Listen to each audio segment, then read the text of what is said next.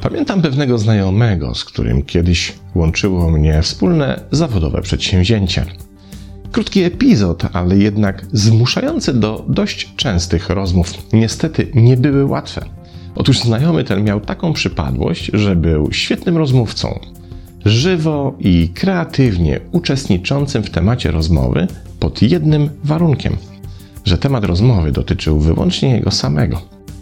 Kiedy opowiadał o swoich osiągnięciach, marzeniach i planach, o tym, w jaki sposób doceniają go inni, jak się nim interesują, jak często mu zazdroszczą życia, osiągnięć i pozycji, wydawało się, że w tych wyżej wymienionych obszarach czuje się jak ryba w wodzie. Kiedy jednak usiłowałem przekierować rozmowę na nieco inne tory, natychmiast tracił zainteresowanie. Uciekał wzrokiem, spoglądał w telefon komórkowy, wiercił się niecierpliwie i całym sobą pokazywał kompletny brak zaangażowania czy też aktywnego słuchania. Co więcej, szukał najmniejszej okazji, by wrócić do opowiadania o sobie.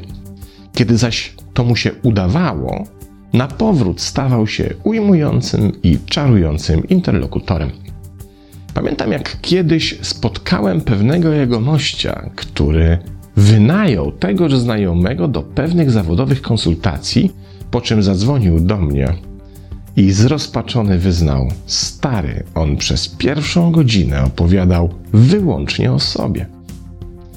No cóż, rozmowa z kimś takim nie należy do najprzyjemniejszych. Nie dość, że musimy wysłuchiwać, a najlepiej przytakiwać, jak ktoś z mozołem i promiennym uśmiechem robi sobie auto-PR, to jeszcze po jej odbyciu jesteśmy naprawdę emocjonalnie wyczerpani. Jeśli znasz takie osoby i miałeś lub miałaś okazję do odbycia z nimi kilku rozmów, to wiesz o jaki typ człowieka chodzi. Ten typ przez wielu badaczy uznawany jest wręcz za jednostkę chorobową zwaną narcystycznym zaburzeniem osobowości i często związany z deficytami w mózgu w obszarach limbicznych, co oznacza pewien brak umiejętności korzystania z pełnego emocjonalnego spektrum oraz prawidłowej diagnostyki emocjonalnej innych. Mówiąc innymi słowy, osobowość narcystyczna wyróżnia się między innymi niskim poziomem lub zupełnym brakiem empatii. Sam termin narcyzm pochodzi z greckiego mitu, w którym śledzimy losy pewnego prześlicznego młodzieńca o imieniu Narcyz, na którego zostaje nałożona klątwa życia tak długiego, jak długo uda mu się nie zobaczyć swojego własnego lustrzanego odbicia. Narcyz zatem hasa sobie po greckich lasach, rozkochując w sobie okoliczne nimfy, w tym też śliczną nimfę o imieniu Echo.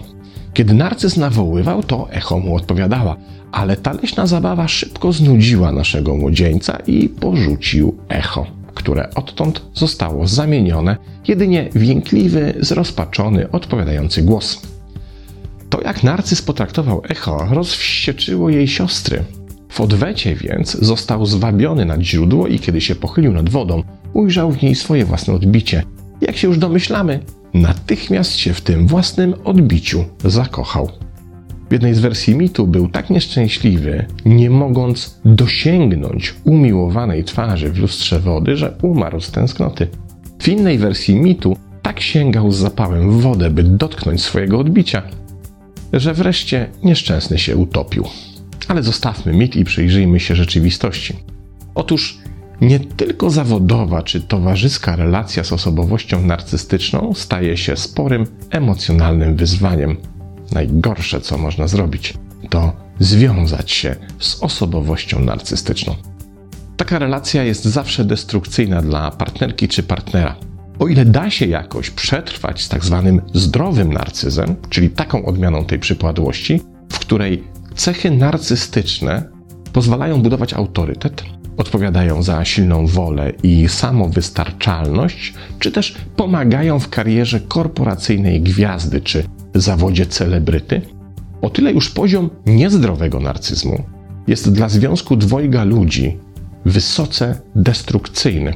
za co partner czy partnerka osoby z takim zaburzeniem osobowości będzie prędzej czy później musiała zapłacić wysokie koszty. Będzie to m.in. obniżona samoocena, uczucie braku szacunku i zainteresowania, poczucie permanentnego odrzucenia i czucie się gorszym, czy też w skrajnych przypadkach niezasługującym na miłość, atencję czy cokolwiek innego.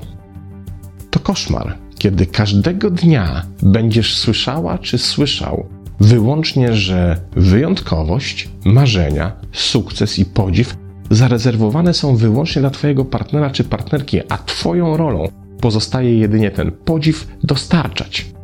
Na bieżąco, każdego dnia, w każdej chwili. Zaś jedyne, co i tak po jakimś czasie usłyszysz, to to, że niewystarczająco się w tym względzie starasz. Co zatem zrobić, jeśli na naszej drodze staje osobowość narcystyczna?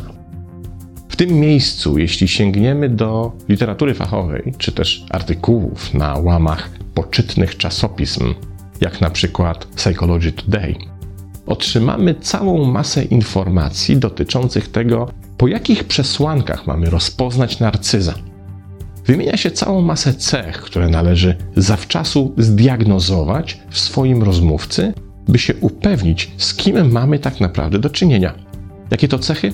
Otóż wśród nich znajdują się przywiązywanie nadmiernej uwagi do cech fizycznych.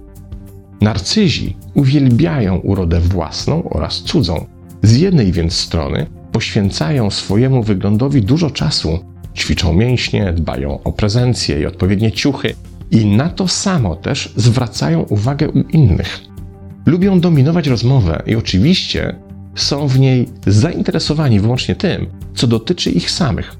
Lubią otaczać się pięknymi rzeczami oraz wyzwaniami. Często, co pokazują badania, narcyzi uwielbiają podróżować, bo z jednej strony zapewnia im to odpowiedni poziom wyzwań, a z drugiej stanowi pretekst do tego, by tymi podróżami się często i gęsto chwalić. Szybko się nudzą i to zarówno przedmiotami, jak i ludźmi. Uznają, że inni nie są warci ich zainteresowania, bo nie sięgają im niestety do pięt. Kompletnie nie obchodzą ich emocje innych. I owszem, potrafią deklarować empatię na poziomie intelektualnym, ale na poziomie emocjonalnym pozostaje ona poza ich zasięgiem. Nie mają świadomości, że mogą kogoś ranić, bo przecież uznają, że inni na kontakcie z nimi mogą jedynie skorzystać. Nigdy też nie biorą odpowiedzialności za krzywdzące czy złośliwe zachowanie, cokolwiek się wydarza w ich życiu negatywnego czy nieprzyjemnego, zawsze jest winą innych, a nie ich samych. Wyolbrzymiają swoje osiągnięcia i talenty w zestawieniu tego samego sukcesu osiągniętego przez inną osobę, zawsze znajdą powód do tego, by uznać swój sukces za większy. Marzą o powodzeniu, a najlepiej się czują w blasku reflektorów i fleszy. Wpuść takiego do telewizji czy postaw przed fotoreporterską ścianką na jakimś evencie, a ciężko ci będzie go stamtąd przegonić. Zawsze oczekują specjalnego, uprzywilejowanego traktowania i nie cofają się przed wykorzystywaniem innych do osiągania osobistych celów. Szukają podziwu i zazwyczaj nie potrafią ukryć arogancji, nawet kiedy obiecują zmianę. To ta ich obietnica często jest wyłącznie elementem manipulacyjnej gry, by realizować swoje dotychczasowe cele. Narcyz potrafi pójść na terapię, by walczyć z narcyzmem jedynie po to, by później wyłącznie szukać poklasku i podziwu dla kogoś, kto pokonał narcyzm. Oczywiście tak naprawdę narcyzi zazdroszczą innym, a swą zazdrość przykrywają dość przewrotną sztuczką, w której głośno deklarują, że to właśnie oni w oczach innych są przedmiotem zazdrości. Lista zachowań narcystycznych jest o wiele dłuższa, jednak co ciekawe, nie musimy uczyć się jej na pamięć, by rozpoznać narcyza. Jest to dużo łatwiejsze niż sądzimy. W jednym z badań opisywanych notabene właśnie w Psychology Today okazało się, że do prawidłowej diagnozy osobowości narcystycznej w zupełności wystarczają zdjęcia takiej osoby publikowane przez nią samą na portalach społecznościowych. Skoro zaś potrafimy rozpoznać narcyza wyłącznie po zdjęciu, to w realnym życiu nie powinniśmy mieć z tym najmniejszego problemu. Jednak kiedy już przebrniemy przez setki artykułów uczących nas, jak rozpoznać narcyza, przydałaby się jeszcze informacja, co z tym dalej zrobić. I tutaj zdecydowana większość literatury nie podaje innego rozwiązania, jak uciekaj najszybciej jak potrafisz. Uznaje się bowiem, że osobowość narcystyczna jest formowana na tyle silnie, że pozbycie się jej graniczy z cudem. Samo zaś formowanie ma mieć miejsce w dzieciństwie, kiedy narcystyczne tendencje dziecka zderzają się z przekonaniem jego rodziców co do jego wyjątkowości i nieustannymi oczekiwaniami, by tę swoją wyjątkowość również nieustannie potwierdzało. W reakcji na to formowana jest osobowość narcystyczna jako wirtualny byt gnieżdżący się w głowie, który będzie przez lata infekował system tak silnym związaniem, że w procesie internalizacji stanie się w tym systemie osobowością dominującą. Istnienie zaś dwóch osobowości, emocjonalnego pasożyta i nosiciela, zostaje potwierdzone w przypadku narcyzów, kiedy badane jest poczucie własnej wartości. Okazuje się wówczas, że w narcyzie istnieją dwa jego faktory: wysoki świadomy oraz niski nieświadomy. W terminologii naukowej nazywamy je samooceną jawną oraz ukrytą. Zaś ta druga może zostać odkryta, kiedy jej wartości są testowane poza wiedzą badanego. To też wyjaśnia głębokie imperatywy aktywności narcyza.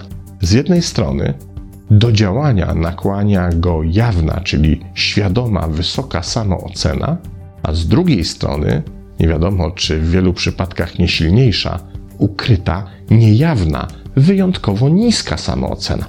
To z kolei powoduje, że pokonanie narcyzmu jest wyjątkowo trudne terapeutycznie.